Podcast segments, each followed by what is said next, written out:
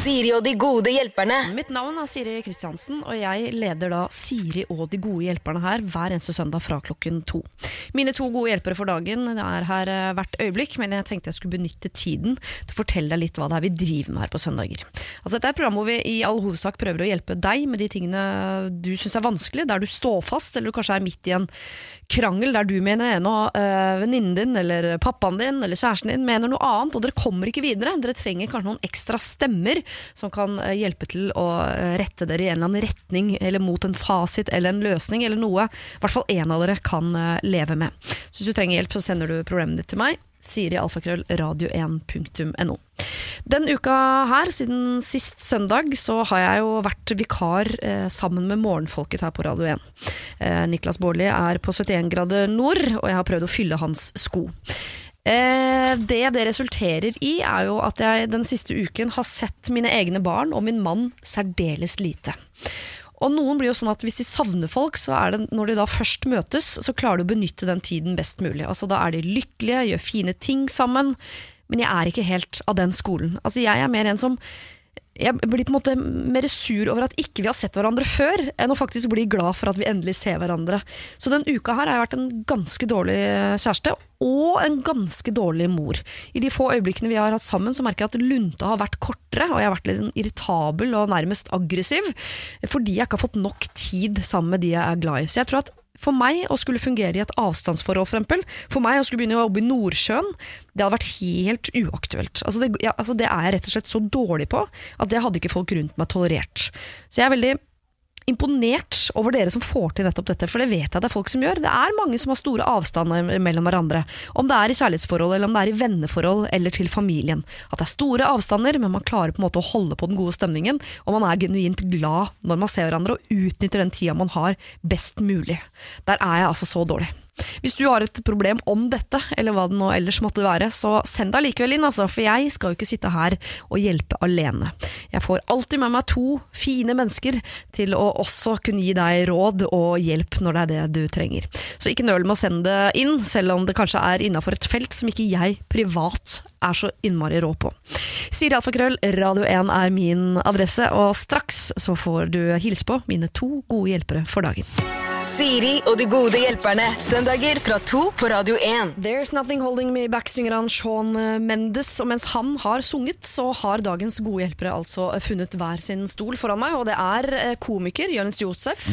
Og så er det Selda Ekiz. Hva skal jeg kalle deg? Er jeg ikke programleder, da? Programleder. Ja, Er du er jo det. Ja, jeg jobba med det i, i Tusen år. Og i et flott menneske. år. Å, takk! Ditto. Speil tilbake. Oi, oi, oi, oi, oi. Men du driver litt med eh, standup òg, gjør du det? Det er lenge siden. Ja, det er 2016 gjorde jeg min siste standup. Jeg får så diaré og oppkast og blir Jeg kan si at jeg var der. Ja. Det var på Hva skjer, ikke sant? Var, Ja, der Og du var veldig gøy. Ja, takk. Så ta det til deg. Ja, Det var nest siste gang, Fordi gangen etter så gikk det samme sett. Gikk veldig ræva i, i Bergen. Så Ja. da tenkte jeg nei, det her gidder jeg ikke mer. Ja. Ja. Men du har fortsatt, uh, Jonis, og du Mm. får ikke så mye di- diaré og oppkast. Uh. Nei, nei, jeg, er, jeg, jeg koser meg med standup. Ja. Jeg gjør det. Det er det jeg på en måte gjør, og så har det gått veldig fint. Og så Ja. har jeg satt opp en forestilling nå som jeg har gjort sjæl. Så jeg går rundt og gjør den og blir full og, og har det gøy. Og det er det du skal gjøre i høst også? Reise rundt kanskje med den? Eller? Ja, det er det jeg gjør, men jeg har også mm, jeg er ferdig nå. Det siste showet er i oktober i Oslo. nå kan jeg se deg. I oktober. 6. oktober. John D. Oslo. Oslo. Kan jeg få noen billetter? eller? Selvfølgelig skal du få billetter. Vi deler ut eh, to gratisbilletter til en heldig vinner i dag også. Fordi det er i hvert fall ikke utsolgt, for å si det sånn. Nei, men Så kult. Men etter det, da? Hvor, altså, Nei, jeg, jeg har også vært heldig og fått en TV-serie som jeg lager. ah. Om, Det høres veldig eh, pretensiøst ut, men eh, om oppveksten på Gulset. Så jeg sånn Gulset for oss som ikke er lokalkjent. Gulset er er et eh, verdens beste bydel. Eller verdens verste beste bydel. I Skien. I Skien, ja. I Skien. Så det er et Ja. veldig spesielt område. Sånn drabantby. ja. Er det en jeg- selvbiografi, eller hva er det for noe? Ja, Det er ikke en selvbiografi, men husker dere Everybody Hates Chris? Og Malcolm i midten? Ja. Ja. Litt sånn der at Du har en voksen forteller som forteller noe som skjedde. Ja, det er ja, den stilen der jeg ønsker å gå litt for. da Så, så kommer I mars kommer den. Ja, for sånne ting tar tid å lage. Det tar veldig lang tid. TV-ast tar så lang tid. Ja, fy faen. Trenger en sur tyrker som statist. Vi trenger det. Vi har en kebabsjappe der som heter Gullsiggrill. Den eier du nå, Selda. Den eier du. Men eh, det TV-programmet du er aktuell med nå i høst, Selda, det tar ikke så lang tid, for der er jo, mye av det er jo live. Ja, masse er live. Men det er ikke i høst, vet du. Det er i vinter, og det tar faktisk lang tid før vi begynte i juni med opptak av innslagene. Vi gjør Ja. masse eksperimenter som folk skal gjette på, og så kan du vinne spenn. Og det er jeg midt oppi nå. Da. Det er masse opptak overalt. Og ja, så det er veldig gøy, da. Har du blitt skada noen gang? Eh, i, ja, i fjor, eh, forrige sesong, så var jeg i en sånn sorbeball, som er en sånn svær plastball som du kan strappes inni. Oh, så. Ja. Så du bare løper ut og krasjer i ting? Ja, eh, men, men du har ikke beina ut, da, for det, det finnes en sånn versjon òg. Ja. Det her er du liksom inni den Så du bare ruller rundt? Oh, Ja. Eh, Apropos oppkast og driting. Ja, eh, apropos det. Er ikke det klaus som faen også? Nei, det var ikke, jeg har ikke klaustrofobi, så jeg, det gikk helt greit for meg. Men vi skulle, jeg skulle bli spylt bortover på Sandefjord lufthavn. Ja, det husker jeg. em, Det så jeg. av en sånn svær sånn brannslukningsbil. da, Som kan tømme liksom 80 tonn med vann i løpet av fem sekunder. eller noe sånt nå, Så det er ganske bra trøkk i den. Og de var sånn Ja, det er viktig at den ballen ikke ruller ut på rullebanen. Jeg bare Ja, ok, hvor er den hen da? Ja, det er bak de kjeglene, plastkjeglene der. Ja, så stopp der. Med, Ja, skjeglene skal stoppe. Så jeg fikk jo ordentlig fart, og fikk liksom, jeg rulla, rulla, rulla. Det her var jo klippet bort. Ja. Men, uh, ja, og jeg bare Oho, nå begynner det å bli gøy. For jeg, og så bare tenkte jeg ok, nå begynner jeg å bli kvalm, og så bråstopper jeg, og jeg aner ikke hvor det er. Og jeg detter liksom ut av de eh, festene som armene og beina mine er eh, festa i. Oh, ja. Henger etter med bare én arm, og den blir bare mer og mer lilla. Og så kommer resten av crewet. Ja, hvor var de, liksom? Ja, de kom De bare regner med at skjeglene stoppa det her. ja, jeg tror det. De bare Men de, de der holder jo ikke. og de kommer løpende mens de filmer. Ikke sånn derre Nei. vi skal redde deg, Ja. men det her er, kan, kan bli bra TV. Og jeg heng, dingler etter med den skjære rumpa mi og er dødssur og bare Faen meg ned! Og, ja, det sitter For jeg og ser på hver liv! dag. Ja, Så ja, faren din er sånn der, Selda kan du ikke bli lege, og du er sånn Nei, jeg skal rulle eh, med en ball på en flyplass. Fordi jeg har tatt en master i fysikk. Skulle tatt uh, risikotillegg på toppen av lønna Ja. for de greiene der. Det er det. Ja. Det er ikke HMS-forsvarlig, det greiene der. Det er ikke det, Jo, vi har jo vi testa Du Vi måtte men klippe det ut. Ja. Det var kanskje jeg ikke skulle sagt det? Nei, du skulle ikke sagt det. Men det er greit. Eh, vi skal si mye annet de neste timene. Det skal stort sett eh, dreie seg om deg som har sendt inn eh, problemer til meg. Og hvis du ikke har gjort det allerede, så er det ikke for seint. Min mailadresse er sirialfakrøll.radio1.no.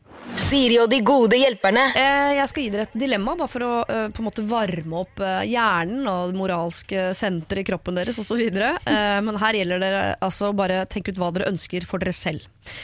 Eh, dere må velge mellom å være altså, utrolig talentfull, eh, talentfull til å synge, men ingen får noensinne vite om det. Eller være utrolig talentfull på å spille tri eh, triangel, og det vet alle.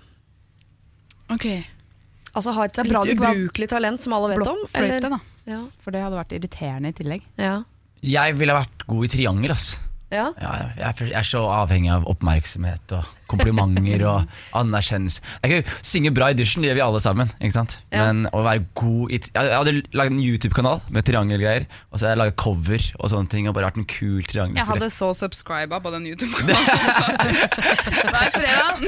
Ny Å, nå har vi satt ut ny triangel. Ja, jeg skjønner det. Det, er, det er nesten sånn Uansett hva man har som talent, så er det jo gøy. Ja, Man kan gjøre det kult. Det er samme som en der fiolin. Er egentlig ganske nerd, hvis du spør meg. Ja, Men så ser du Unnskyld hvis det er noen fiolinfolk som hører på. Eh, Fiolinfolk Men eh, hvis du ser de på YouTube og skriver sånn hiphop-violin, da Ja. så ser du sånn folk som lager sånn cover av sånn hiphop-låter, og da blir det ekstremt kult. ja. Så, så jeg hadde gjort det samme med triangel.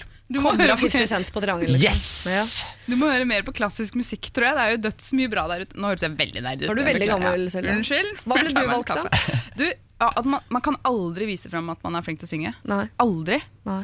Det kan hende liksom, typen din en gang tenker sånn Å ja, du var flink til å synge, eller mora di, eller et eller annet. Men Ja. Du får ikke vist det for et publikum, i hvert fall. Men har jeg lov til å gjøre sånn her sånn Du, hva heter den låta, den derre um, I believe Har du å gjøre sånn? Jo, men Det blir nesten enda mer uforløsende. For det er sånn Å ja, han i taxien vet nå at jeg er sånn.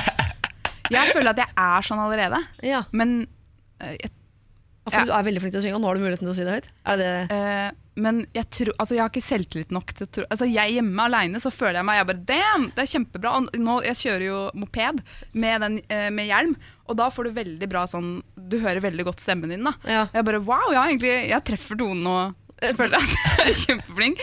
Men jeg skjønner jo at det kanskje ikke er tilfellet for eh, sånn i plenum, fordi jeg blir så nervøs. Ja. Um, så jeg hadde også gått for triangel, fordi jeg, har lyst, jeg liker den oppmerksomheten å få den anerkjennelsen. Ja.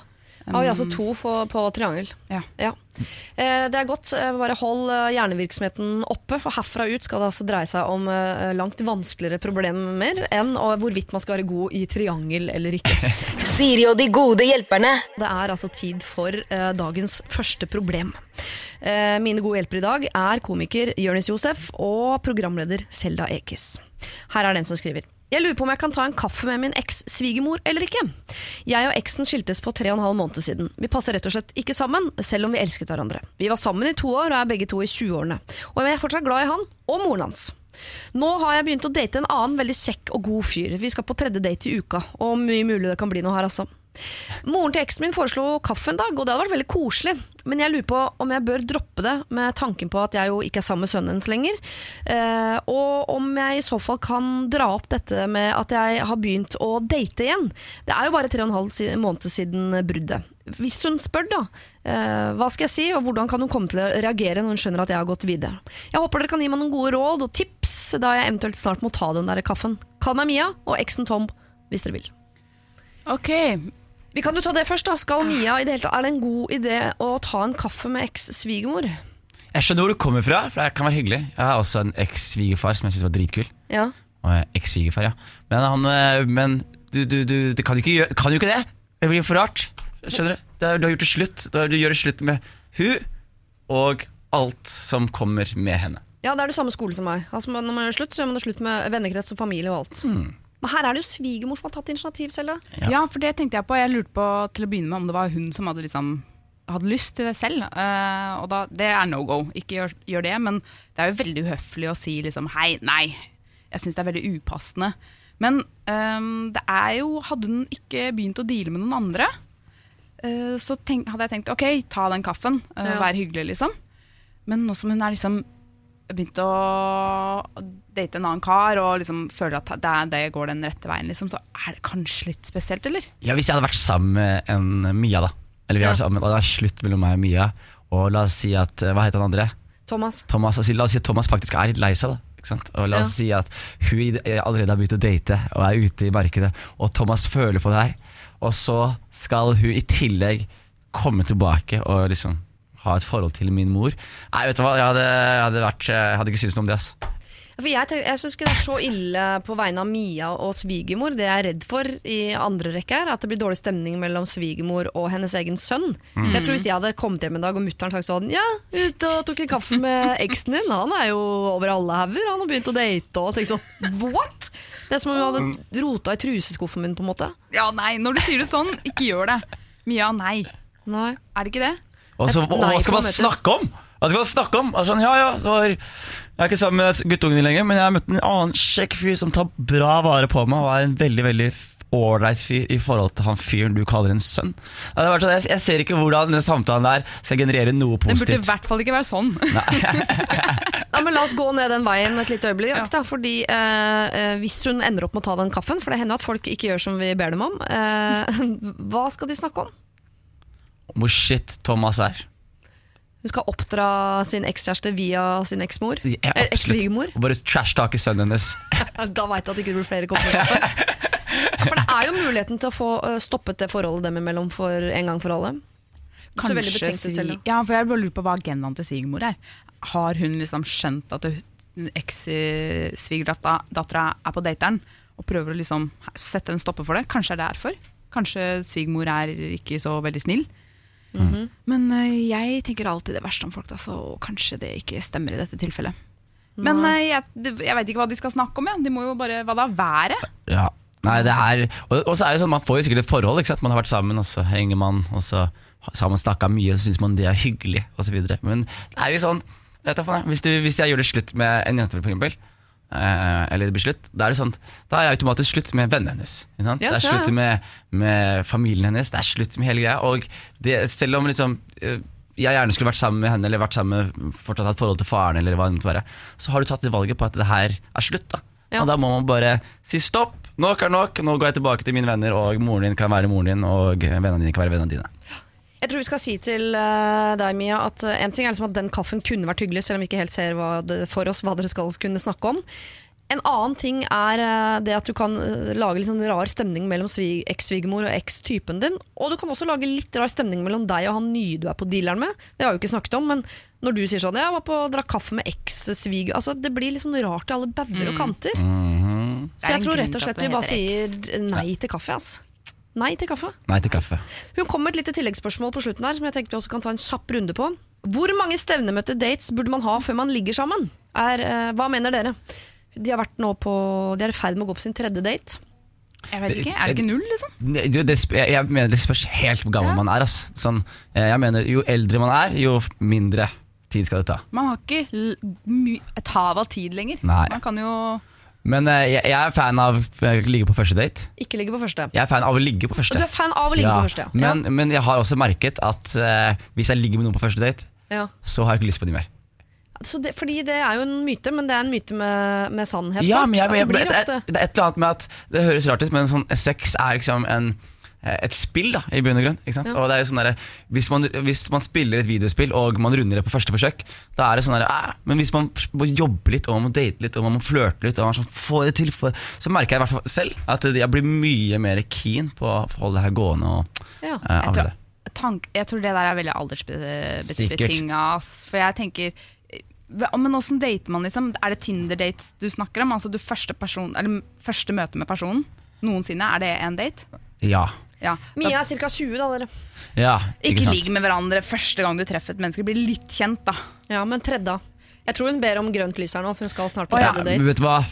Ta Ligg med han, men ikke si det til svigermor. Ja, og bruk kondom. Ok, Da fikk du hele livet ditt på et sølvfat. Mia, altså ikke, spi, eh, ikke drikk kaffe med din eks-svigermor. Eh, Du kan eh, ligge med han nå på tredje date. Ja, Eh, men jo lenger du bruk venter, kondom. jo mer keen blir han. Så hun kan vente Du Hun kan vente lenger. Sånn, hvis, hvis, hvis, han klarer å holde, hvis hun klarer å holde han til syvende og åttende date, da har du en mann for livet. Ja. Klarer du det? Klarer du det? Mm, jeg vet ikke. Du ber om grønt lys eh, allerede, så noe sier meg at det blir ligging på tredje date. Lykke til. Siri og de gode hjelperne. Søndager fra to på Radio 1. Vi skal en tur utenlands, øh, og vi reiser sammen med Mats. Hadde det vært så vel. For poenget er at Mats antageligvis må reise alene. Jeg har reist litt alene tidligere, skriver han, men aldri langt vekk. Jeg har vært i byer som København, Stockholm, Berlin, men nå har jeg lyst til å teste ut USA. Det står mellom San Francisco eller New York. Ingen av vennene mine har muligheten til å være med, så jeg trenger litt råd i forhold til det eh, om jeg skal reise så langt alene, uten venner, og hvilken by jeg eventuelt burde reise til på en soloreise. er jo ikke det at jeg er alene hele tiden jeg er på tur. Jeg blir jo alltid kjent med folk. Eh, Jeg har ikke fremmedfrykt, snarere tvert imot. Dere kan kalle meg Mats. Har dere noe erfaring med å reise alene ut i verden? Nei, jeg er dødsredd for å bli voldtatt og antasta. Og må ha med en mannlig chaperone konstant. Ja. Så du drar ikke utenlands alene? Nops. Nops. Jeg er veldig glad i det. Ja, Jeg var jo i New York nå, i to måneder alene. Er det sant? For å gjøre litt standup og loke litt og sånn. Og eh, eneste jeg bomma på Jeg dro i desember, første gang jeg skulle til New York. Så dro jeg i, i desember. Og jeg, jeg visste jo ikke det her, men jeg kommer dit, så er det state of emergency. Dritkaldt, folk dør på gatene. Og det er bare sånn der, folk, Gatene er evakuert for uteliggere. De må sove på sånn herberg og sånn. Og du bare Hvor skal jeg gå? Hvor skal jeg gå? Og jeg bare kommer der, bare, jeg er fra Norge, ikke sant? Jeg, kan, jeg tåler litt snø, jeg har gode sko, jeg, ikke sant? gode klær. Men, så var det, men det var eh, veldig gøy å være alene, i hvert fall. Eh, New York, USA er veldig fint, fordi folk er så jævlig Det er ikke sånn som Norge, da. Sånn som Norge, Hvis du sitter ved siden av noen på bussen, så er de sånn derre de klarer ikke engang å si 'unnskyld, kan du flytte da?' De bare står og tar seg selv på lommene. Til du tar hintet. ikke sant? Ja, ja. Mens i New York så er det sånn at folk bare sitter ved siden av noen på en kafé, så bare oh, 'Hey man, where you from?' Så bare plutselig så blir man kjent med folk sånn. Jeg vil ikke oppleve det der, da. Jeg syns det er kjempeforferdelig når folk tar kontakt. På buss eller kafé eller sånt. Hvor, Ja. Jeg, jeg syns Norge er et for kaldt land. Jeg syns USA Det er helt perfekt. jeg synes, jeg synes Norge, USA, da jeg var i New York og sånt, Folk var sånn der, ah, New York er et kaldt sted med kalde folk og sånn opplevde ikke det helt Alle var hyggelige, imøtekommende folk Som tok deg godt imot Og når du reiser alene, noe jeg liker å gjøre, ikke du? Mm. Og så, så, som min gode mann, hva heter han igjen? Eh, Mats? Så som Mats også liker å gjøre, da er, det, da er USA et fantastisk sted å reise til. Altså. Ja, for det var min første tanke også. Hvis du først skal reise alene, så er jo USA et bra land, nettopp fordi der driver folk og snakker med hverandre. Eh, og så er man- Tide og utide. Ja, i tide og utide. Og jeg også syns Norge er et veldig veldig kaldt sted, og jeg kunne ikke ha bodd et annet sted, for jeg er helt lik sjøl. Men uh, jeg får litt dårlig samvittighet noen ganger når jeg treffer amerikanere som jeg ser at er nysgjerrig, imøtekommende, og så møter de den- den kalde nordmann, den kalde skulder.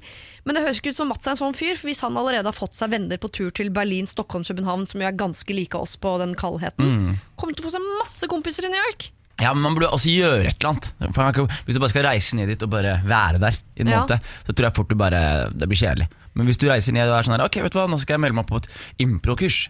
Altså Du kan gjøre noe sånt, eller jeg skal ned for å gjøre noe spesifikt da som varer ja. over en lengre periode. Da tror jeg du plutselig får en, eh, en Da møter du venner som er interessert i samme ting, og du har det gøy, og du har et purpose i stedet for bare å gå rundt og spise mat og gå hjem hele tiden. Men så Da høres det veldig ut som du anbefaler eh, New York. Du, da, men jeg anbefaler New York eh, veldig, men jeg har Ja. vært i San Francisco også. Oh, ja, så bra. Eh, ja, San Francisco er eh, litt Er ikke Amerikas europeiske hovedstad, på en måte? Ja, jeg syns det er kult i San Francisco, men det er litt sånn vanskelig å navigere seg rundt. Det er liksom ikke, Du må ha bil, og du, ikke, I New York kan du bare liksom gå et eller annet sted, og så er det folk der overalt. Ikke sant? Ja. Men San Francisco må du liksom du burde være med noen venner hvis du skal være i San Francisco og Los Angeles.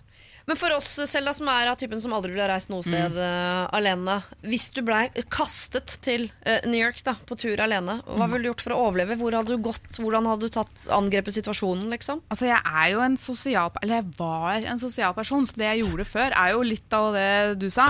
Det, man melder seg inn i ting. Altså, Gjør noe du syns er gøy, og så møter du likesinna folk, liksom. Men uh, å drive og chatte opp folk på kafé som du ikke veit hvem er, som kan være en serial killer, og de fins jo i New York. Masse, ja. ja. Det er jo mange mennesker der. Og plutselig bare få venner sånn, det tenker jeg ikke gjør det. Men ja. Ja, fordi Man sier jo at de er utrolig nysgjerrige og imøtekommende, men ofte så føler jeg at de ikke stikker så Når de sier sånn 'see you later', liksom, så mener de ikke det. De tenker ikke at vi skal se senere. Det er jeg tror ikke egentlig liksom, de vil at du skal bli med dem hjem og, og fortsette praten. Det er samme som i Norge også, hvis du møter en gammel venn og er sånn Faen, vi må ta en kaffe snart, ass. En øl.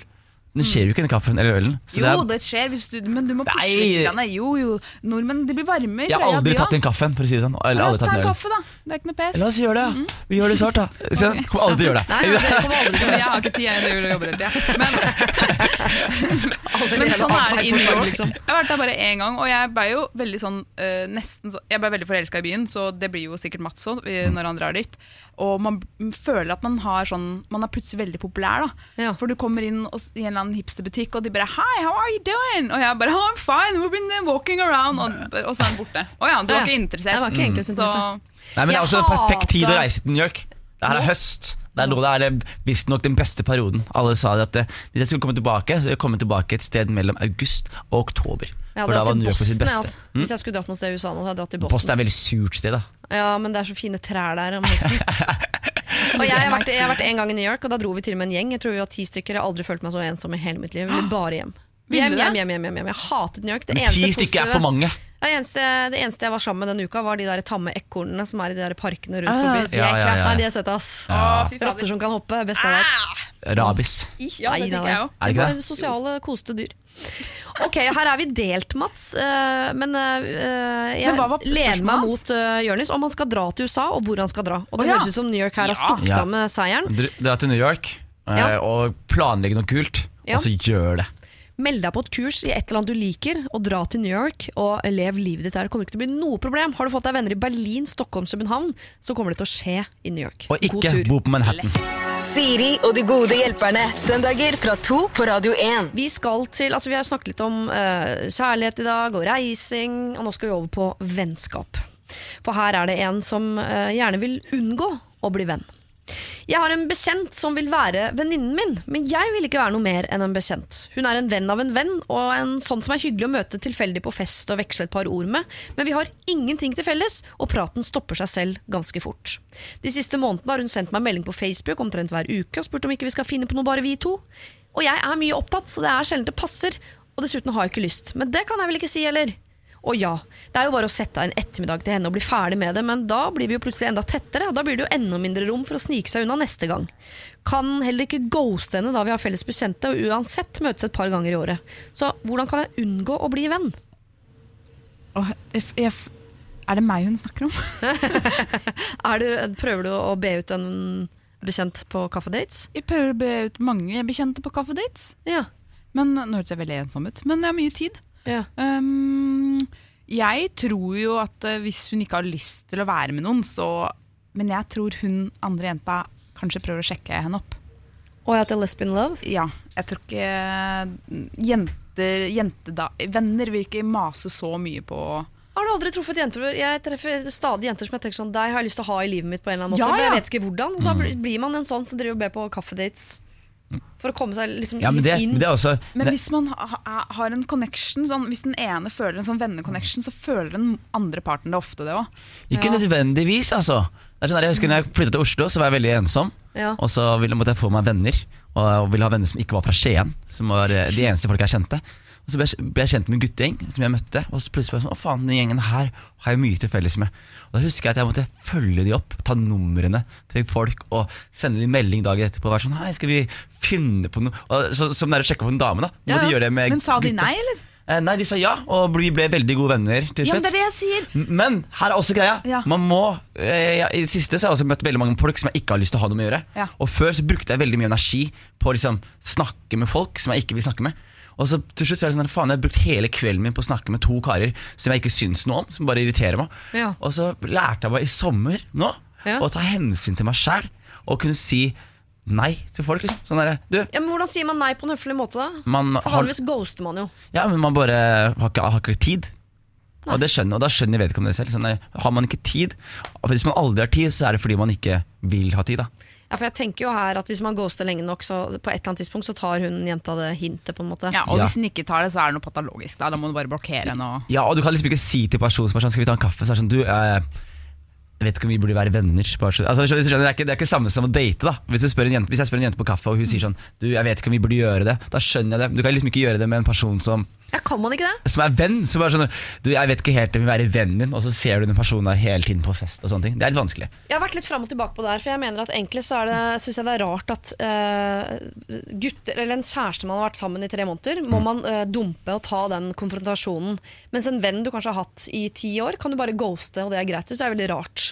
Men samtidig så har jeg blitt mer, fan, mer og mer fan av ghosting, nettopp fordi det er bedre også for den andre parten på sikt. Ja, det og ikke få jeg. den derre harde eh, Nei, jeg, vil ikke, jeg vil ikke drikke kaffe med deg, liksom. Eh, Men her, det som er vanskelig her, er at de møtes jo to ganger i året. Ja, Men er ikke Ja, også, det får være nok, føler jeg, da.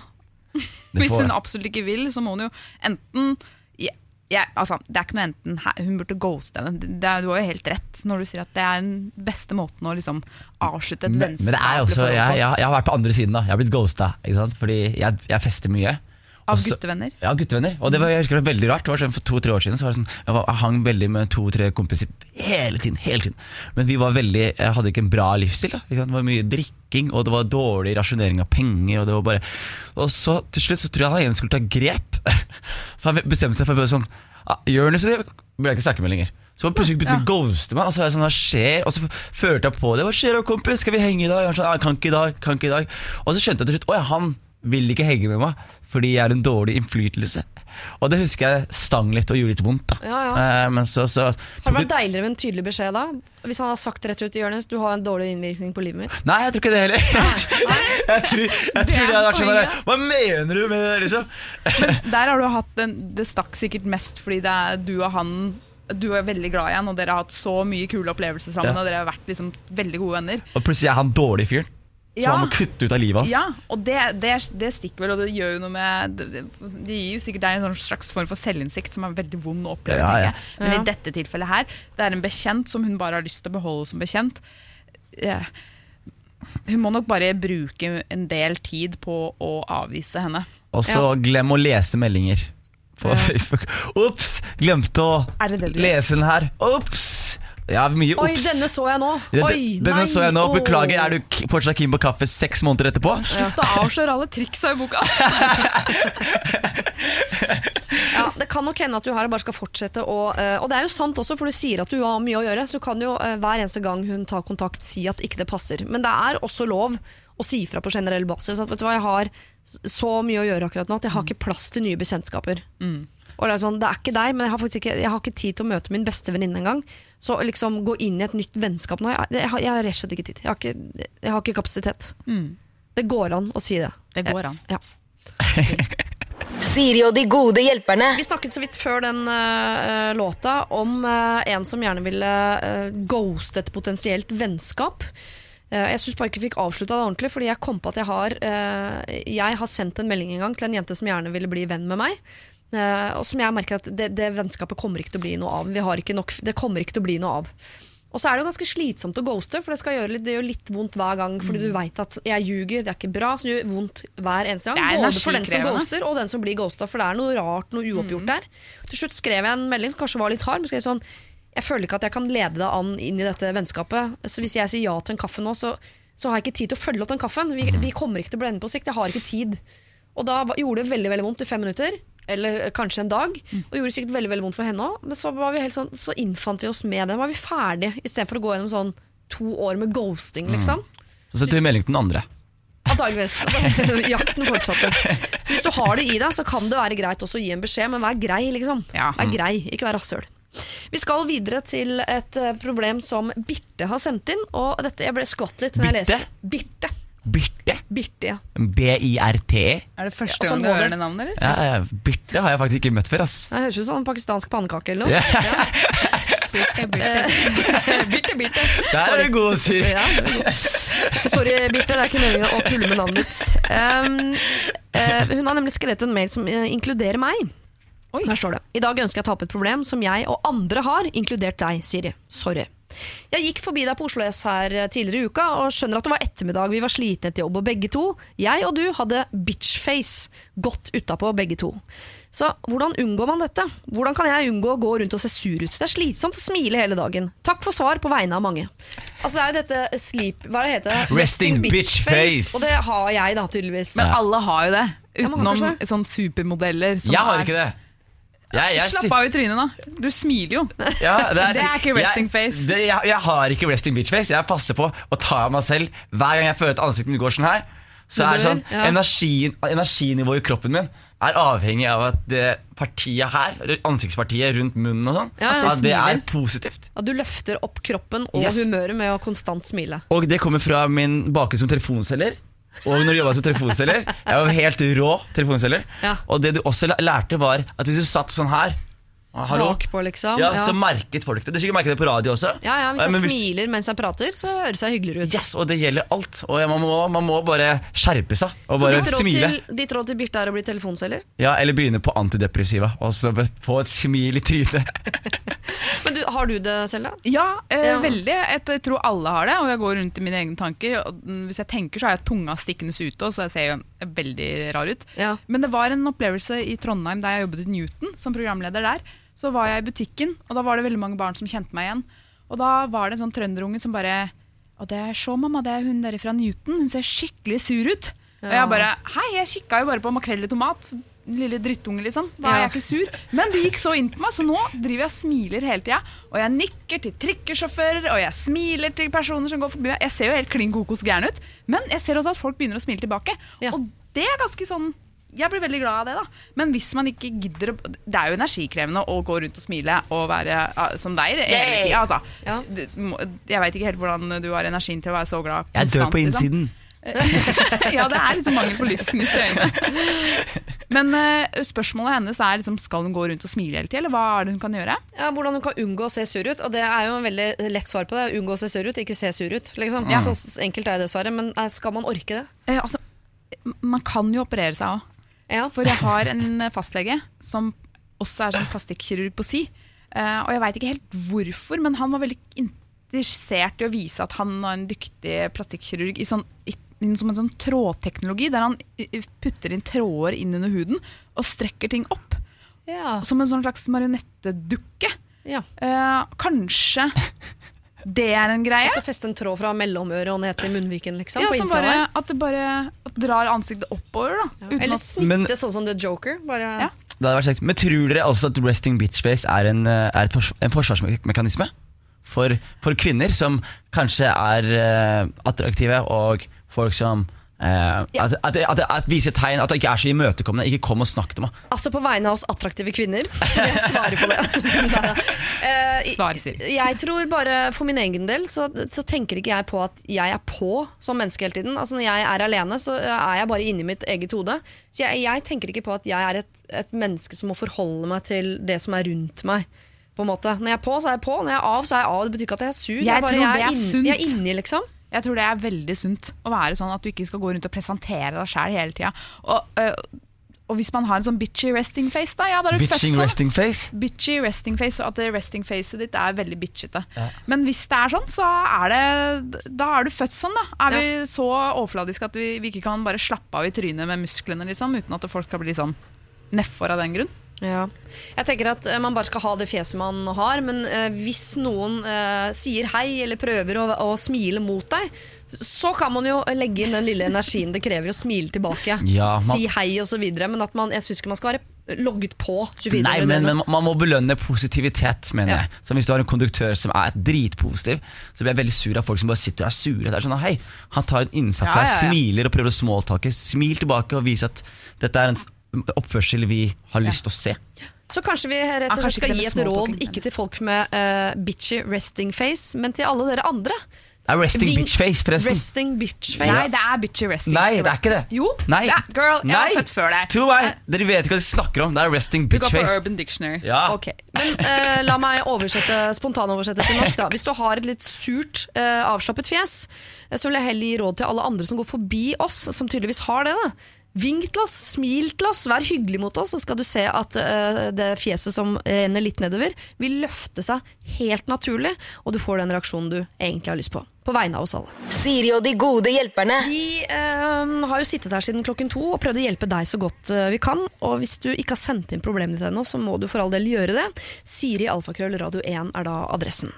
En som har gjort det, er en som gjerne vil bli kalt for Maria. Og hun er 25 år gammel. Hun trenger hjelp på vegne av seg og sin fremtidige make. Jeg håper dere kan hjelpe meg. For to år siden møtte jeg kjæresten min, Peder, på 29 år. Vi er utrolig bra sammen, og jeg føler meg genuint lykkelig. Vi er klare for å stifte familie sammen. Fra før av har Peder en nydelig sønn på tre år. Dette er ikke noe problem i seg selv, men moren til denne nydelige sønnen, hun hater meg. Forholdet til barnets mor har vært mildt sagt eh, trøblete. De hadde bestemt seg for å gå hvert til sitt før graviditeten ble kjent. Etter hvert begynte Peder og jeg å date, noe som var utrolig vanskelig for denne eksen. Hun sendte meg veldig sårende meldinger om han til meg, og om meg til han. Hun fortalte løgner om meg til noen hun eh, ikke visste at jeg også kjente. Hun stalket meg på Instagram og Facebook. Jeg endte til slutt med å blokkere henne.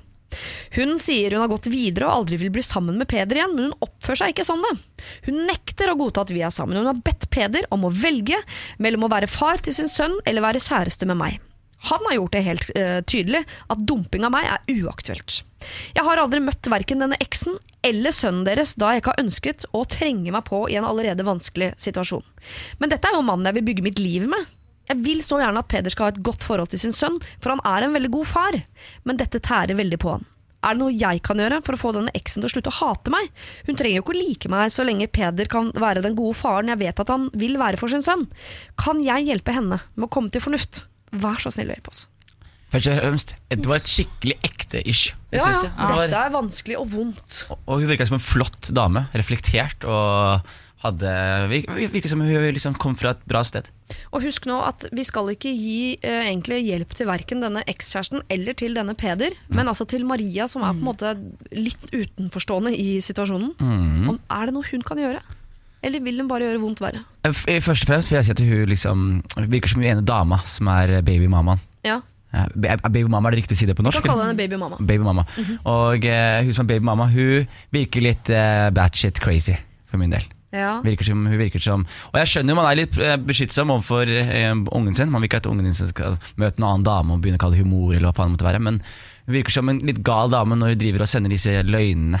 Og prøver å sende meldinger til Peder og sende meldinger til henne. Ja. å switche Eller bare altså. veldig lei seg, veldig Ja. overbeskyttende. Man kan bli gæren av det, på måte. Jeg tror hun, hvis hun var gravid og de hadde tenkt å gå fra hverandre og sikkert har følt at det var et slags svik der. Da. Det kan hende Peder har lovet henne noe i starten der som ikke ble oppfylt på noe vis, som hun bare driver og gnuger på. Og så har det vokst av seg sjæl uten at Peder egentlig har hatt noe med det å gjøre. Så kan man jo man kan klikke av sånt, liksom. Ja. Men hva er det hun eh, her kan gjøre? Hva het hun igjen? Maria. Maria. Hun kaller seg Maria. Ja, fy flate. Det, er- det er vanskelig, altså. Fordi Ja. han, Peder må jo få lov til å være med, med kiden. Nei, det er egentlig, det er egentlig baby mamaen som må svelge et eple her, altså. Ja, Hva kan Maria gjøre for å få uh, babymamma til å svelge et eple? Er det ikke en kamel? Jo, kanskje. Ja. Surt eple, tenkte jeg. Å ja. Bite i det sure eplet. bite i det sure eplet. Bite i den sure kamelen. Men det kan hende Maria må prøve å få kontakt med hun babymammaen, egentlig, og prøve å, og, og nesten At kanskje de skal ha en sånn meglingsprat. eh, For, for hvis han Peder skal være en del av ungen sitt liv, og hun Maria skal også være det, som det virker som hun har lyst til å være da, mm. uh, framover nå, så, så må det jo De må jo på en eller annen måte klare å løse den floken her. Og det er vel egentlig De kommer jo ikke utenom, men at de må sette seg ned og prate sammen, liksom. Alle tre. Men du har Ja. jo kids også, Siri. Ja. Hva hadde du gjort hvis eh, din mann som hadde blitt din eksmann og fått seg en ny dame, og som vil være en del av barna sine liv? Ja, drept begge to. Så det er det du må gjøre, Maria. Du må drepe alle. Nei, det er jo babymammaen. Ja, ja okay, det er babymammaen. Nei, men det er jo nettopp det der med at eh, eh, denne babymammaen vil jo ikke at Maria skal være en trussel, at hun skal få det hun ikke fikk. Det er vel der det ligger. da Jeg fikk det ikke til, og nå kommer du inn fra sida, og så får du det til. Du vet ikke hva det vil si å være sliten alenemor. Du vet at man, Jeg kan skjønne at man kan bli litt sånn fiendtlig på det, Mm. Uh, selv om det ikke har noen hensikt. Men jeg tenker at mye her ligger nok mellom de to som har vært sammen, som har et barn sammen, som på et eller annet tidspunkt blir storebror. Så det må de løse opp i. Og, og Maria, jeg bare, det jeg er usikker på er om Hadde jeg likt at Maria kom til meg Hvis allerede problemet mitt Maria er Å ja, så du kommer inn fra sidelinja her. Tar Peder, liksom, og skal være hun eh, mammaen med eh, masse overskudd og alt det jeg ikke får til. Ja. Og i tillegg så skal du være sånn flink og proff og hyggelig på det. Så du kommer til meg og foreslår at dette må vi finne ut av, for det er det beste for Peder og barnet sånn. Øh! Ja. Jeg hadde, jeg hadde skjønt Ja. at det er det eneste riktige å gjøre, men jeg hadde hatt henne enda mer. Men kanskje hun kan gå en slags omvei gjennom Peder? da At uh, pushe pusher Peder litt grann på at hei, den, det her må vi løse på et eller annet vis. Ja. Um, jeg veit ikke. Ja, Og at han tar da den kontakten med babymamma. Og, og prøver å liksom megle fram at hei, vi må sette oss ned og prate. For jeg kan tenke meg at Peder kan gjøre litt mer i denne situasjonen her. sånn Men også, Ja. nå, har, nå har jo også Maria også blokka babymamma på sosiale medier Ja. og så som er, også er et tegn. Så hvis noen blokker meg, så er det sånn ok, men da er vi enemies for life, da. Ja. det er ganske harsh å gjøre. Ja. Men jeg tenker at hvert fall Peder, det Peder må gjøre, er være, være den verdens beste pappaen som han påstår at han er. Altså virkelig bidra. Og så tror jeg ikke jeg ville hatt Selvfølgelig må de ha en dialog, men jeg tror ikke jeg ville åpnet opp for så mye sånn synsing og meninger rundt hans nye forhold. For de er sammen.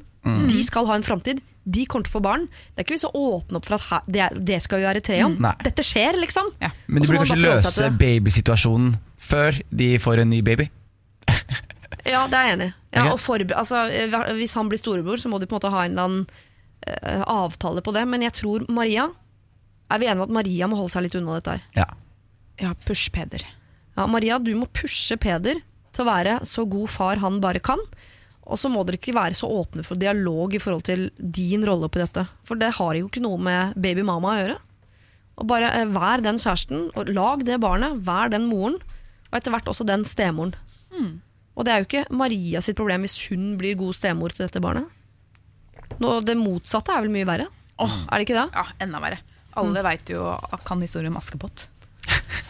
Hva velger du å gjøre, Maria? Det vil jeg gjerne vite. Eh, send meg en mail og oppdatere meg på hvordan dette her eh, går. For dette må jo løse seg. For her har dere et lite barn på tre år som skal leve eh, sammen med disse to kvinnelige frontfigurene, heter det? Nei, forbildene. Dere er ikke et band. For all del, ikke start band! Eller vent litt! Start band. Stopp det bandet! Det blir Highas Kites, det vet jeg! Eh, når dere skal være forbilder for dette lille mennesket, så ta med dere det i denne prosessen. Siri og de gode hjelperne. Nå skal vi til en som heter Hilde, som skal gifte seg. Og det eh, i utgangspunktet er jo ikke et problem. Yippee! Men ofte når man skal det, så dukker det opp masse problemer man ikke har tenkt på. Her står det Jeg skal gifte meg neste sommer, men er i full gang med forberedelser og får god støtte og engasjement fra alle i nærmeste familie, bortsett fra min egen mor. Dette syns jeg er veldig sårt, og det virker ikke som om hun bryr seg noe særlig, ettersom hun ikke viser noen interesse for noe av planleggingsprosessen, eller noe generelt. Hun er ikke den letteste å si fra til, ettersom hun ikke viser interesse, og jeg syns det er vanskelig å skulle si fra da jeg vet at jeg ikke kommer til å få den oppmerksomheten jeg ønsker. Eh, eller hvis jeg får den, så er det jo kun på grunnlag, øh, grunnlag av at jeg har sagt ifra. Jeg føler dette til slutt kan starte en krangel mellom mine søsken øh, og meg mot vår mor. Jeg håper dette er noe dere kan hjelpe til med, kall meg gjerne Hilde.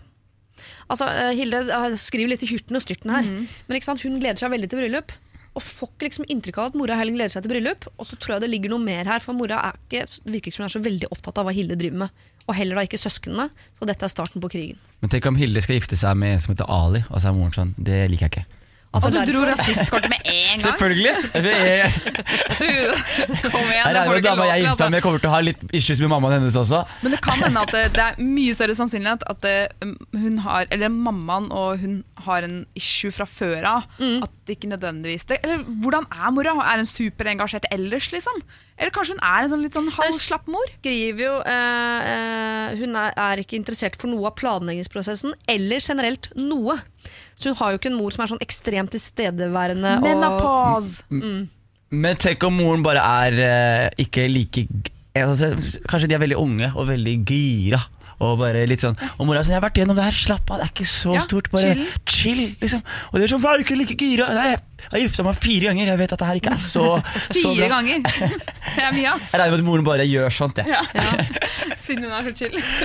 Nei, fordi Først så tenkte jeg at eh, man skal være litt forsiktig med sånn Ja, jeg, du skal gifte deg, og det er vanvittig stort for deg, men for alle andre så er det litt mer sånn nok en fest i rekka. Det beklager jeg måtte si, men det er, det er ikke like stort for alle andre, det, det som er Jeg synes helt det er veldig vanvittig koselig med stort. bryllup. Jo, det er koselig, men det er ikke sånn eh, Du involverer deg vel ikke helt vilt i planleggingsprosessen men det et år litt i forveien, sel. liksom?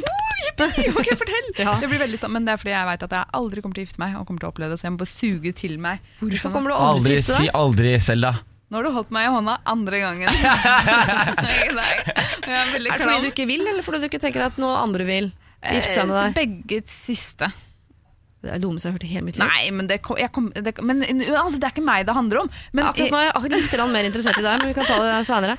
Uh, for Hilde jeg bare tenker, Man kan ikke forvente helt sånn et år i forveien at moren skal være sånn 'Å, herregud, jeg har googla serviset!' Og så er hun helt ja, med på det. For det er jo noen som er sånn. Ja. Men er man ikke sånn, så er man ikke sånn. Jeg hadde heller ikke blitt bridezilla på andres vegne. Uansett hvem som skulle gifte seg. No. Eh, men det jeg synes vi skal ta tak i, er at hun er generelt ikke noe liksom, opptatt av Hilde eller søsknene hennes. Kan Altså- man be om den oppmerksomheten? Nei. Og så tror jeg man må nesten altså, jeg, Hvis det er en mamma som er oppe i 50-åra, kanskje, så kan det hende at hun er i menopause. Hva er det på norsk? Overgangsalderen? Overgangsalderen, ja. At hun har sitt å slite med, liksom. At mm. kanskje hun her ikke er så veldig oppmerksom på hva mora går gjennom. Eh, nå drar jeg den veldig langt, altså, men bare, det er sikkert andre ting som skjer i livet til mora, som uh, Hilde eh, og søstrene eller søsknene ikke liksom, har oversikt over, og kanskje ikke prater så godt sammen. Så den, at hun forventer noe av en person som har nok liksom, å deale med.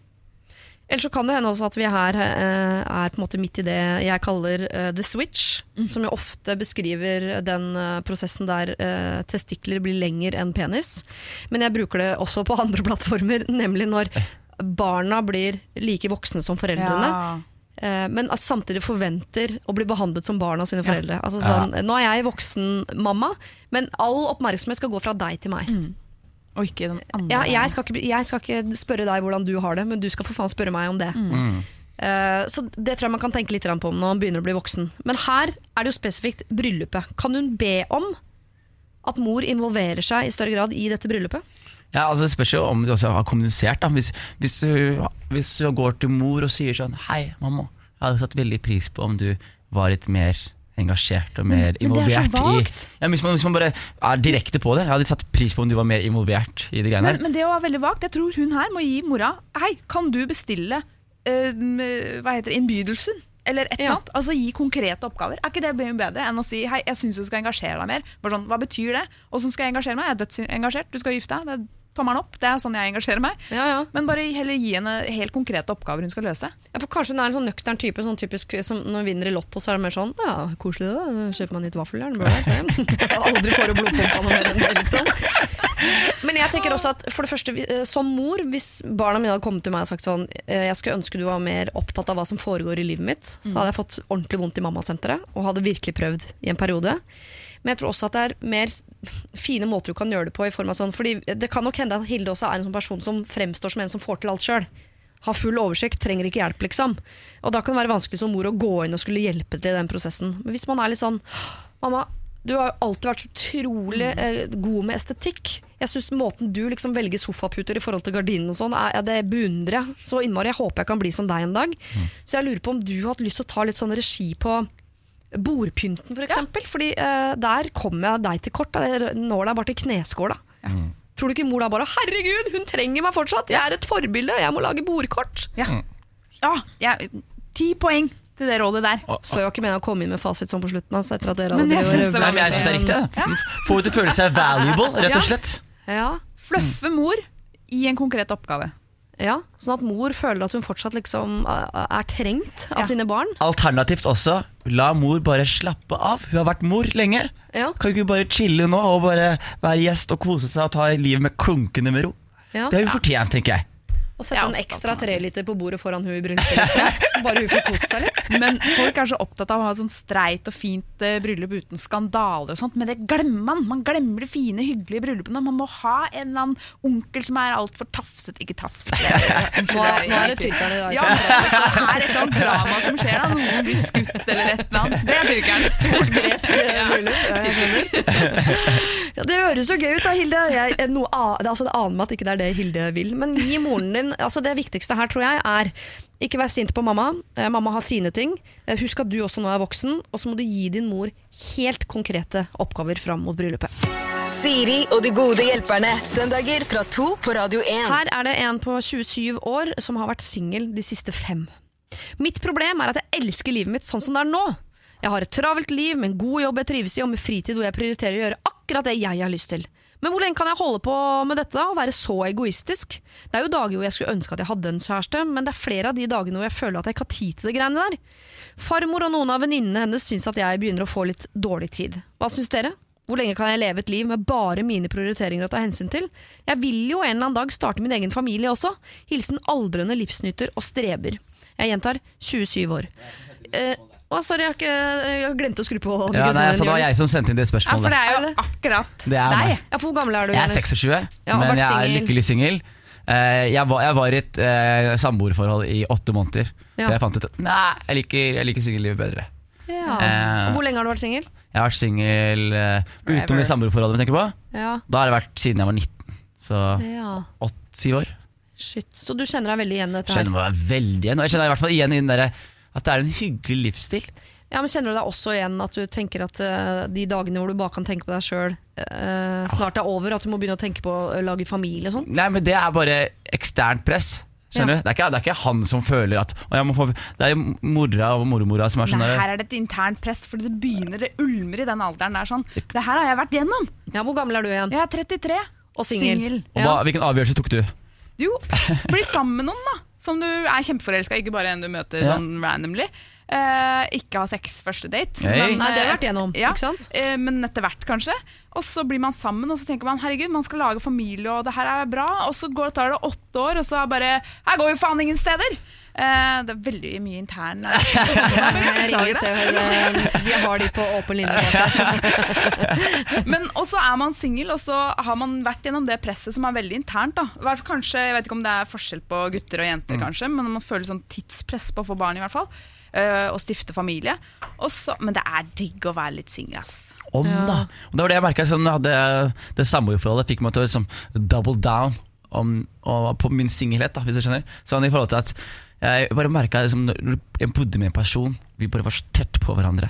Og det var jo, det var jo mye kjærlighet, liksom. Men det var sånn, vi var så tett på hverandre til enhver tid. Det var sånn til og med søndagen hvor jeg bare skal sitte i boksershorts og en skitten T-skjorte og spille PlayStation og bare være en dårlig versjon av meg selv. Ja. Så er det en person jeg er veldig glad i, som er et vitne til det makabre synet her. da Ikke søndag noen kjæreste, da? Jeg skjønner ikke hva slags jo, ikke, er du? jo, men noen søndager må få lov til å være fyllesyk dag, angst og spille spill og bare komme meg gjennom dagen her. hva skal du ha angst, fylleangst for?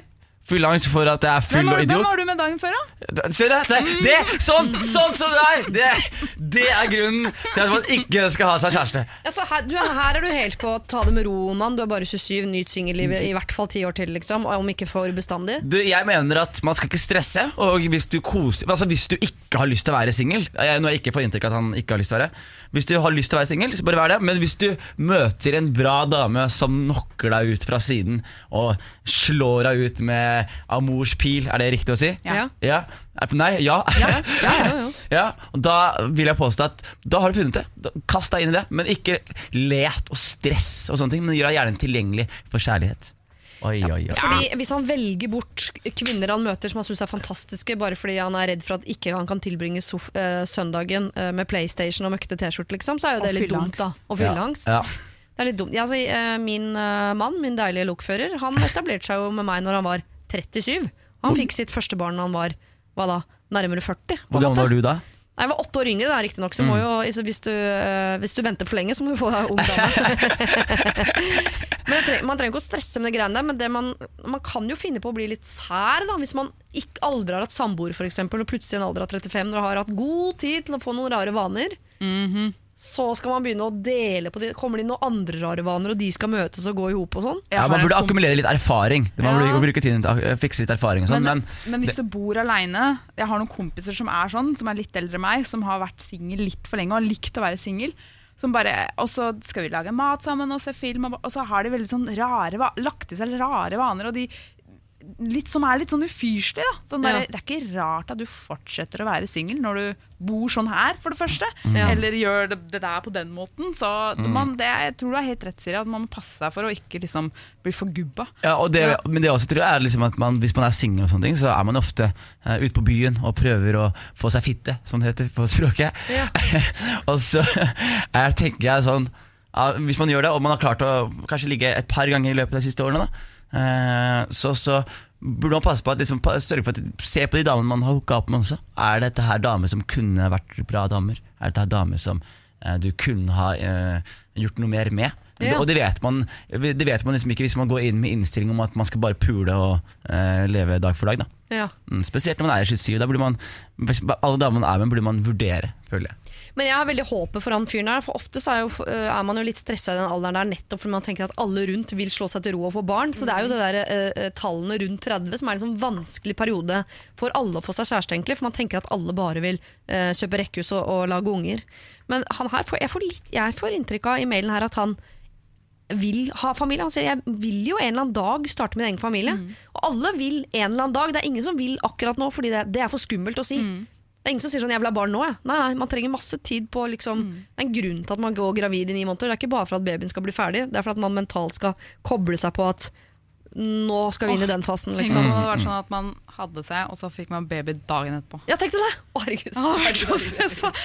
Og det hadde vært et kult liv, ass! Kult liv. For det første, verden hadde vært helt sånn overfolka, og alle hadde, ingen hadde ligget med hverandre. Det er jeg ganske sikker på. Alle Ja, hadde det tror jeg. Da hadde vi begynt å selge kondomer, også i Norge. Så vi ligger nederst på kondomstatistikken i verden. Er vi det? Ja, det tror jeg, jeg tror vi er dårligst i verden på å bruke kondom. Ja, men jeg, jeg har alltid brukt sånn kondomer fra eh, helsestasjonen. Som Ja. du bare tar en neve med kondomer. Og så, altså Nå har jeg kondomer for de neste ti årene jeg kanskje ligger. Men så her om dagen så kjøpte jeg kondom. Ja. Var, du, var du flau eller stolt? Du, Jeg var veldig stolt. Ja. Jeg, det var, jeg var på apoteket, og så sto det sånn intens eh, med, med sånn, ja, intense pleasure. Har du denne sånn, extra large? Ja. Nei, Det var sånne dots på den. Ja, det er knudret for hennes ja. eh, velvære og pleasure. Yes, Og jeg tenkte i hodet mitt sånn der Altså jeg må være flink Jeg har eh, hatt sex uten kondom Og fått klamydia to ganger Og nå må jeg slutte med det Jeg vet det, men jeg fiksa jeg fiksa det. Eh, Så da tenkte jeg Nå må jeg begynne å ha kondom Og hvis jeg først skal bruke kondom Da jeg bruker en sånn kul kondom Ja, Kulekondom, altså sånn med kule. Ja, Ja, du kan bli kondomdesigner du da, Selda. Ja, det er ikke noe problem, det. Det er bare å bruke fantasien. Men funker sånne dots? Ja, Det er bare å se på folk med sånne kjønnsvorter. Det er mest sex, Jeg stopper dere der, ja. et lite øyeblikk. Vi Går tilbake til aldrende livsnyter og streber. Men Eh, han må bruke kondom hvis han skal fortsette å være singel. Det er et tips. Ja. Men hvis det er sånn at du vil ha, eh, starte egen familie en dag, så ikke stress før du er stressa. Ikke stress fordi det er ytre press fra mormor osv. Men den dagen du har lyst, eh, så kan du få lov til å kjenne litt på det. Men det er ikke sånn at du går til å treffe kvinnen i ditt liv bare fordi du skrur på den bryteren. Kvinnen i ditt liv kan komme når som helst, når det passer og når det ikke passer. Så bare vær litt åpen. Åpne opp kanalen, Ja. som man sier i Trøndelag. Siri og de gode hjelperne. Selena Gomez og Marshmallow med uh, Wolves fikk du altså der. Jeg har sendt mine to gode hjelpere ut for å ta seg en uh, kaffe og litt uh, vann før vi fortsetter å gi gode råd til deg. Hvis ikke du har sendt inn mail, så gjør gjerne det. Hvis du har et problem, da. Som jeg jo antar at de fleste har. Siri alfakrøll radio1.no. Når jeg kom tilbake på jobb etter sommeren, så uh, hadde vi fått inn et problem fra en uh, jente som var litt uh, fortvilet. Hun skulle på en tur med sin mor, som tidligere hadde vært alkoholisert, men som hadde da lagt flaska på hylla, rett og slett. Men nå, før denne turen, så hadde hun altså oppdaget at moren hadde ramla utpå igjen. Og da ville hun ikke dra på denne turen med sin mor. Hun var så utrolig skuffet og følte at all tillit var tilbake på null. Eh, men hun lurte på da om det var dårlig gjort av henne å ikke bli med på denne turen, som var bestilt og betalt og alt. Men måtte hun være med? Er der? Følte hun måtte passe på mora si, plutselig være den voksne ansvarlig som tok vare på sin egen mor, osv. Eh, på, eh, på dette problemet så satt jeg to gode hjelpere, som jeg jo alltid gjør. Og her var det da Linnea Myhre og Thomas Fingeren Gullestad som skulle få lov eh, til å si hva de mente at denne fortvilte datteren skulle gjøre. Vi skal høre på noe av det. Jeg ville stilt et krav at hvis jeg skulle vært med, så var det på betingelse av at hun ikke drakk. Å ha en alkoholfri tur. Da må du stille det ultimatumet og, og bli med på turen, og så er det liksom ikke bare at du drar hjem, men da tror jeg ikke vi skal snakke sammen på liksom et halvt år. Og så kan du få liksom tid til å tenke deg om, eh, som man sier til barn. Til barn. Det kan hende det er akkurat det moren trenger. Ja, hva det jeg si? Altså, hun Ja. trenger den tilliten og den hyggelige tiden med datteren som gjør at det er verdt å legge bort flaska, enn Mm. hvis hun da eh, ikke får dratt på tur, så kommer hun til å slukke den sorgen eh, med noe flytende. Det var altså noen av de eh, rådene som eh, ble gitt. eh, Fra altså Linnea Myhre og Thomas Fingeren Gullestad til fortvilet datter som lurte på om hun skulle bli med sin tidligere eh, alkoholiserte mor på jentetur, nå som hun hadde oppdaget at hun hadde begynt å drikke igjen. Hun har nå sendt meg en ny mail hvor hun skriver Hei, Siri. Jeg fikk en god samtale med min mor og fikk følelse, følelsen sinne til å gå over til tilgivelse og medfølelse eh, for at hun faktisk er syk. Og løgnen skyldtes nettopp dette sykdommen. Jeg og mamma hadde en fantastisk tur sammen, og hun var helt eksepsjonell. Trengte ikke å passe på noe, og følte meg ikke som barnevakt. Denne turen bidra til glede og var en god byggekloss på veien til et bedre forhold mellom meg og henne. Så jeg er veldig glad for at jeg reiste, og at jeg fulgte hjertet og samvittigheten. Alle har jo bagasje med seg, og dessverre er dette den bagasjen min mamma har med seg. Jeg syns derimot eh, mamma sine gode sider på, vei, eh, på veier tyngre enn den dårlige, og jeg fikk eh, virkelig føle på det når vi var på tur sammen. Det er utrolig koselig å høre at du faktisk valgte å dra på tur, og at denne turen ble en positiv opplevelse for ikke bare deg, men helt sikkert også din mor, og som kommer til å være med å gjøre deres forhold til veldig, veldig, veldig mye bedre de fremtidige årene enn det hadde vært hvis du ikke dro. Siri og de gode hjelperne. Mail oss på siri at radio1.no. Jeg sitter her sammen med Selda Ekiz, som er programleder uh, i NRK, og uh, komiker Jonis Josef. Uh, Til sammen utgjør vi Siri og de gode hjelperne i dag, og dere skal få et siste problem av meg her nå. Her står det. Jeg har en konfirmant neste helg, altså min datter. Og jeg skal prøve å på en, mm, kort oppsummere hva det er jeg lurer på. Altså, jeg har en veldig vanskelig familiedynamikk. Jeg har ikke kontakt med mor og hennes samboer pga. problematisk oppvekst, alkohol osv. Jeg tok steget for noen år siden altså da, til å slå opp med de på en måte. De bor i samme by. Jeg har et par yngre brødre som, eh, hvor kontakten har vært noe sporadisk. Eh, de er uvitende om hele situasjonen. Alle kommer. Altså både mor, eh, samboer og disse brødrene kommer i denne konfirmasjonen. Far til min datter, som står for mesteparten av, det, eh, står for mesteparten av dette, denne konfirmasjonen pga. økonomiske forskjeller, inviterer også hele sin slekt og slekta til den nye kona si. Alle kommer. Min far, som jeg nettopp har fått kontakt med igjen etter mange år, og en tante, de kommer. Det er over eh, ti år siden jeg skilte lag med barnefar, og vi har hatt et mye problematisk forhold i etterkant av dette. Han med en armé i bakkant, jeg alene. Alle eh, nevnte har igjen sine egne kompliserte problemstillinger, også i fellesskap. Dette er jo en fin dag som skal omhandle konfirmanten, og det prøver jeg å gjøre mitt beste for at skal skje. Eh, For eh, problemstillingene er så mange. Men spørsmålet jeg lurer på, da, er bordplassering. Tradisjonelt, eller kan man plassere mer etter hjerte? Hilsen en som er glad for at hun ikke har fler som skal konfirmere seg. Altså skjønner du, her, Det skal konfirmeres. Eh, Det er en mor som skal prøve å gjøre den dagen så god som mulig, til tross for at dette er blitt rom fullt av issues. Alle har problemer med hverandre. Det er altså et så betent situasjon at hun lurer på om hun via bordplassering kan legge til rette for at det i hvert fall potensielt kan bli hyggelig. Har hun vurdert free seating? Der folk setter seg der de har lyst til. Oi, ja det er kanskje ikke så dumt. Fordi da, hvis folk liksom har en grudge mot hverandre, så vil man jo helst unngå hverandre. Men man er der for eh, konfirmanten. Og det er jo for det første Konfirmanten har vel ikke noe problem med bestemor og den issuen der, liksom. Eller sine onkler som ikke Eller ja, onkler eller tanter da, som hun ikke har kanskje så god kontakt med. Eller noe issue med faren sin som mora har en issue med. Det er jo mora som har veldig masse issues her, ikke konfirmanten. Ja. Så det er jo, og jeg, hun er jo med å arrangere det her, da. Men, Så- men er det rart å invitere hele slekta til stemor? Eller er det bare Nei, men si hvis de, hun har vokst opp med snebord, da. ja. Og de har feira masse jul ja, men jeg, Tenk på hele slekta hennes også, liksom. Men der får vi ikke gjort noe, for de er invitert. Ja. Liksom. Og det er han som liksom. betaler. De er på vei, liksom. Ja, ja, ja. På toget. Ja, de er på toget nå for å røre oss ned. Men øh, jeg bare tenker, det, det er litt sånn typisk norsk dette her, for selv om her er det sikkert ganske mye som er sånn uuttalte issues, Ja. hvor det bare, som gjør at det hele er en sånn trykkoker, hvor alle, mer- og det merker barn også, at her, jeg vet ikke hva det er, men her er det dårlig luft, liksom. Og Hadde dette vært et bryllup i Hellas, for eksempel, da, som vi har snakket om før i dag, så hadde folk krangla og slåss og slått seg ned, og så hadde de grinet og så hadde vært, ja, skutt hverandre litt, men reparert. Ja, ikke sant? Så kanskje man bare skal øh, være litt mindre norsk den dagen og bare ta det som det kommer, liksom. Ja, jeg tror det. Klarer vi det? Ja, og så burde man også tenke at dette her er konfirmasjon til ei lita jente. Ja. Eh, lita jente. Hvor gammel er man når man konfirmerer seg 15 eller noe sånt. 15, Ja. ja. Mm. Og så tenker jeg jo sånn at da de burde klare å legge issuesene sine til side for denne spesielle begivenheten her. Ja. Og så kan de godt krangle igjen dagen etterpå, liksom. Akkurat på konfirmasjon så burde ikke det være et problem, liksom. Og hvor lang er en konfirmasjon? Jeg har ikke blitt konfirmert. aldri- Jeg har vært på to High five. Ja, det er liksom eh, og Vi er utlendinger, vi fikk ikke de penga dere fikk. Jeg fikk et trommesett, da. Du fikk et eh, trommesett? Ja, ja. Naboen min fikk et trommesett. Men eh, jeg grein meg til den når pappa plukka poteter på en åker for å stakkars få råd til den. Så, men sånn er det å være utlending. Ja. Men eh, det, det er ikke mange timer. Det er jo snakk om maks fire timer. Eh, og, men kan jeg bare spørre om noe? Jeg trodde dere nordmenn konfirmerte dere i mai. Mm, ja, det, jeg lurer på om det er to puljer, yes, for jeg gjorde det også på våren. Hvis ikke jeg husker helt feil Ja.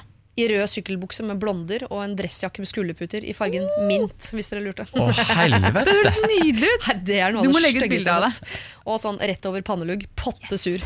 Pottesur. Post- Men jeg prøvde å røyke for første gang i mitt liv. Barkley. Bitchy resting face. Lilla Barkley. Men eh, jeg, jeg bare lurer på om det er noe man kan gjøre. Kan f.eks. de voksne møtes dagen før? Rense lufta litt? Oh, jeg, jeg, jeg bare får uh, spasmer av å tenke på at de ikke kommer til å klare å lette på eller løsne den knuta som har vært der i så mange år, og som de har bare gjort hardere og hardere og hardere med mange år med bitterhet. Og, og så skal de liksom fikk prøve å fikse den. De kommer ikke til å fikse det. Og dagen etterpå så ligger alt det her så rett under huden. Så med en gang konfirmanten eller mor holder en tale, og et eller annet, og så kommer en eller annen full onkel til å bare velte et bord, og så har du gresk bryllup. Ass, bare at det ikke er koselig. Ja, du tenker at Hvis vi møtes dagen før, så kommer de til å krangle så mye at eh, ikke sant? Man klarer jo alltid å holde maska i noen timer. Kanskje de fire timene det varer. Men hvis du har krangla dagen før, så ligger alt så utapå at Ja, men- det er bare jeg- rett opp med ordresokken. Men jeg tror det ligger liker noe å prate dagen før. Bare si sånn Hei, jeg liker ikke deg, du liker ikke meg, og jeg liker ikke de, og de liker ikke meg. Men i morgen så bare ha, har ikke det her noe å si. Det er det dattera som er viktigst. Vi samler oss rundt henne, og så fortsetter vi krangelen i overmorgen. Men kanskje det går an å si ifra om det? Kan man åpne ikke. talen med det, da? Velkommen alle sammen. Her er det jo ingen som liker hverandre, men vi skal spise laksemos og kose oss. Å, men det er jo, her er det ingen som liker hverandre. Eller vi har bare én ting til felles, og det er at uh, Det er hatet. uh, mot hverandre, men også kjærligheten til konfirmanten. Vi må dra inn konfirmanten Ja. i den talen. Da, Ja. Kjærligheten til konfirmanten er større enn hatet til hverandre. Og Derfor er vi samlet her i dag for å hedre henne. Det er en fin start på en tale, tenker jeg. Ja. Det blir i hvert fall eh, Det blir en konfirmasjon som hun konfirmanten kommer til å huske mange år framover. Merker det blir noen issues der. Eller bare det eh, Siste tips fra meg her nå. Bare eh, keep busy. på en måte Ha masse ting du må gjøre, og gi masse oppgaver til de andre. Sånn at på en måte, du setter Hun tanta du ikke tåler trynet på, sett henne til å vaske opp. Eh, hun mora du ikke har snakket med på mange år, sett henne til å åpne gavene. Altså Gi folk veldig konkrete oppgaver, gjerne langt unna hverandre. Men det hun spør om, er jo bordplasseringa. Der tror jeg free sitting er ikke dumt. altså Ja, jeg tror folk Takk. Tror du er god der, ass. Free seating, bortsett fra kanskje altså konfirmanten må ha fast plass, og mor og far på hver side. Og så stemor er bakerst. Jo, Nei, hva er det du har mot stemødre? Stemor må i oppvasken. Herregud, eh, lykke til med dette her. Jeg skulle ønske jeg kunne si at jeg kommer og ordner opp, på en måte. men jeg skyr jo sånne situasjoner som dette her som pesten, så det der, eh, jeg klarer det ikke. Jeg får det ikke til. Men lykke til, da. Men jeg håper eh, du får det til. Hold ut i de fire timene det varer. Gi folk konkrete oppgaver, og ha free seating i denne konfirmasjonen. Siri og de gode hjelperne. Søndager fra to på Radio 1. Det er altså tid for at eh, jeg og mine gode hjelpere skal dele ut noen handlenett med det motiverende uh, sayingen på 'heia deg'. Det står ikke et 'heia deg' på denne. Det er veldig veldig koselig. Jeg skal sende ut eh, handlenett til uh, Mia, som uh, har en uh, eks som heter eh, Thomas. Eh, de eh, gjorde slutt for tre og en halv måned siden, og nå vil svigermor gjerne møtes for å ta en kopp kaffe. Det har vi sagt nei til. Eh, det, så det skal du ikke, Mia. Det trenger du ikke å, å tenke på, men du skal få et handlenett. Så har vi Mats, da, som skal ut og reise alene, men vet ikke om han skal tørre å dra til USA alene. Eh, og hvis han skal tørre, hvor skal han dra? Han har vi sendt til eh, New York, dere. Så da er det litt Da har vi liksom litt sånn Vi må føle på det, at Mats skal ha det bra der nede. Du kan jo ta med det der handlenettet ned til USA. Kanskje du får noen venner på det, liksom. Og det er sikkert så inn med noe sånn norsk som folk ikke skjønner. Er superhipt. Ja, ja, og de kommer i fargene rødt, hvitt og blått. Kanskje du skal sende en av hver, så kan du dra den der og være liksom the Norwegian guy. Det syns de er så eksotisk ut. Så har vi eh, fru Venneløs, altså hun som har en bekjent som gjerne vil bli venn, men det vil ikke hun, så hun lurer på om hun skal ghoste eller rett og slett eh, være litt sånn tydelig i, eh, i tilbakemeldingen. Der ga vi ikke noe sånn helt sånn hardt 'gjør dette' eller 'gjør dette', men hvis, du, hvis det liksom gnager på deg og skulle gå og ghoste og ghoste, at det er noe som uh, tynger deg, liksom, eh, så er det bedre å bli ferdig med det. Si litt sånn hardt at vi kommer ikke til å bli venner, veldig hyggelig å treffes av og til, har ikke plass til en god venn til. Hvis du er komfortabel med ghosting, så er det selvfølgelig det som er deiligst for kroppen for dere begge. Så har vi Birte. Eh, må ikke si det på den måten, men nå har, har det bare blitt sånn. Pakistanske pannekaker. ja. uh, som sliter med uh, resting bitchface, eller bitching restface. Eller Bitchy resting face. vanskelig. Altså, du ser sur ut når du slapper av i fjeset, og det gjør visstnok jeg også. Hva skal man gjøre med det? Det er ikke noe vi kan gjøre noe med, Birte. Hele verden må bare forstå at vi er ikke sure selv om vi ser sure ut, og hvis dere smiler til oss, ja, så smiler vi stort sett tilbake. Stort sett. Maria, du skal få et handlenett fordi du eh, har funnet deg en eh, drømmeprins. Peder, dere har vært sammen i to år, men du har fortsatt ikke møtt sønnen hans eller eksdama, fordi der er det trøbbel, og du lurer på om det er noe du kan gjøre for å gjøre det forholdet bedre. Det tror jeg blir ene og alene Peders oppgave å rette opp i de greiene der.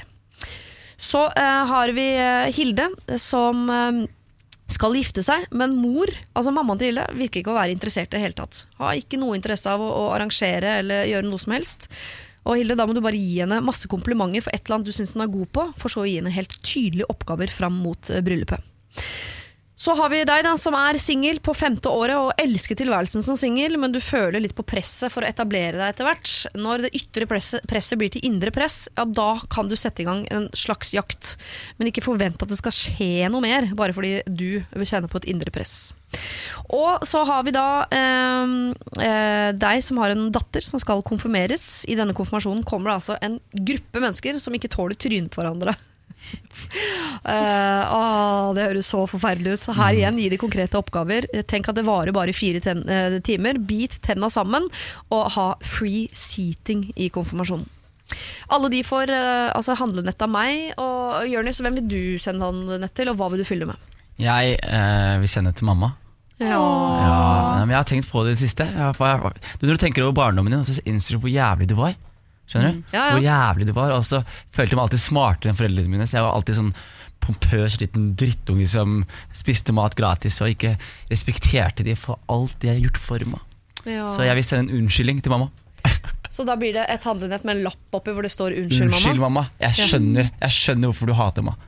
Og det er så kjekt at alle, alle barn skjønner det der først når de blir voksne. Det er så deilig hvis liksom de barna som er barn nå Skjønner du? Ja, ja, ja. Ja. Jeg vet at jeg har mange år foran meg med to barn som ikke tåle trynet mitt. Nei. Men så på et eller annet tidspunkt sitter et radioprogram og sender meg en et fuckings handlenett for å si unnskyld, liksom. Åh, ja, det er veldig fint, Jonis, at du gjør det. Det kommer mammaen din til å bli glad for. Pappaen din da, trenger ikke sant? Pappa han skjønner det. Han skjønner. Han skjønner, han skjønner. Selda? Oh, jeg syns det er veldig vanskelig, men jeg tror jeg landa på noe veldig rart. Ja. Uh, for jeg har en venninne som driver uh, altså fosterhjem for katter og kattunger. Og det er så sjukt mange kattunger som ikke har noe hjem.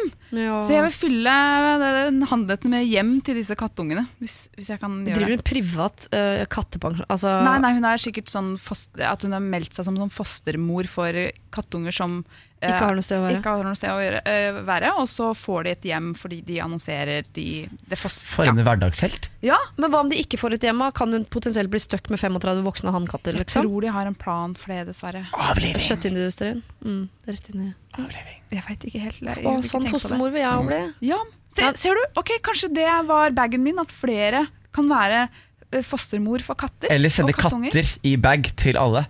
Det er det folk har gjort før, da, som har gjort at de har havna i disse Ikke putt kattunger i bager. Putt katt i bag og send meg. Jeg har en sønn som er veldig veldig allergisk mot katt, men Ja. jeg syns katter er såpass eh, søte at det er jeg villig til å overse. Ja. Da kan du ha fire-fem stykker hjemme. Jeg lurer på om jeg går for det. Altså, det har vært veldig hyggelig å ha dere her Veldig eh, i dag. her. Veldig hyggelig å være her. jeg ønsker dere en fortreffelig søndag videre, og så håper jeg vi ses igjen. Tusen takk. Takk, takk. Siri og de gode hjelperne.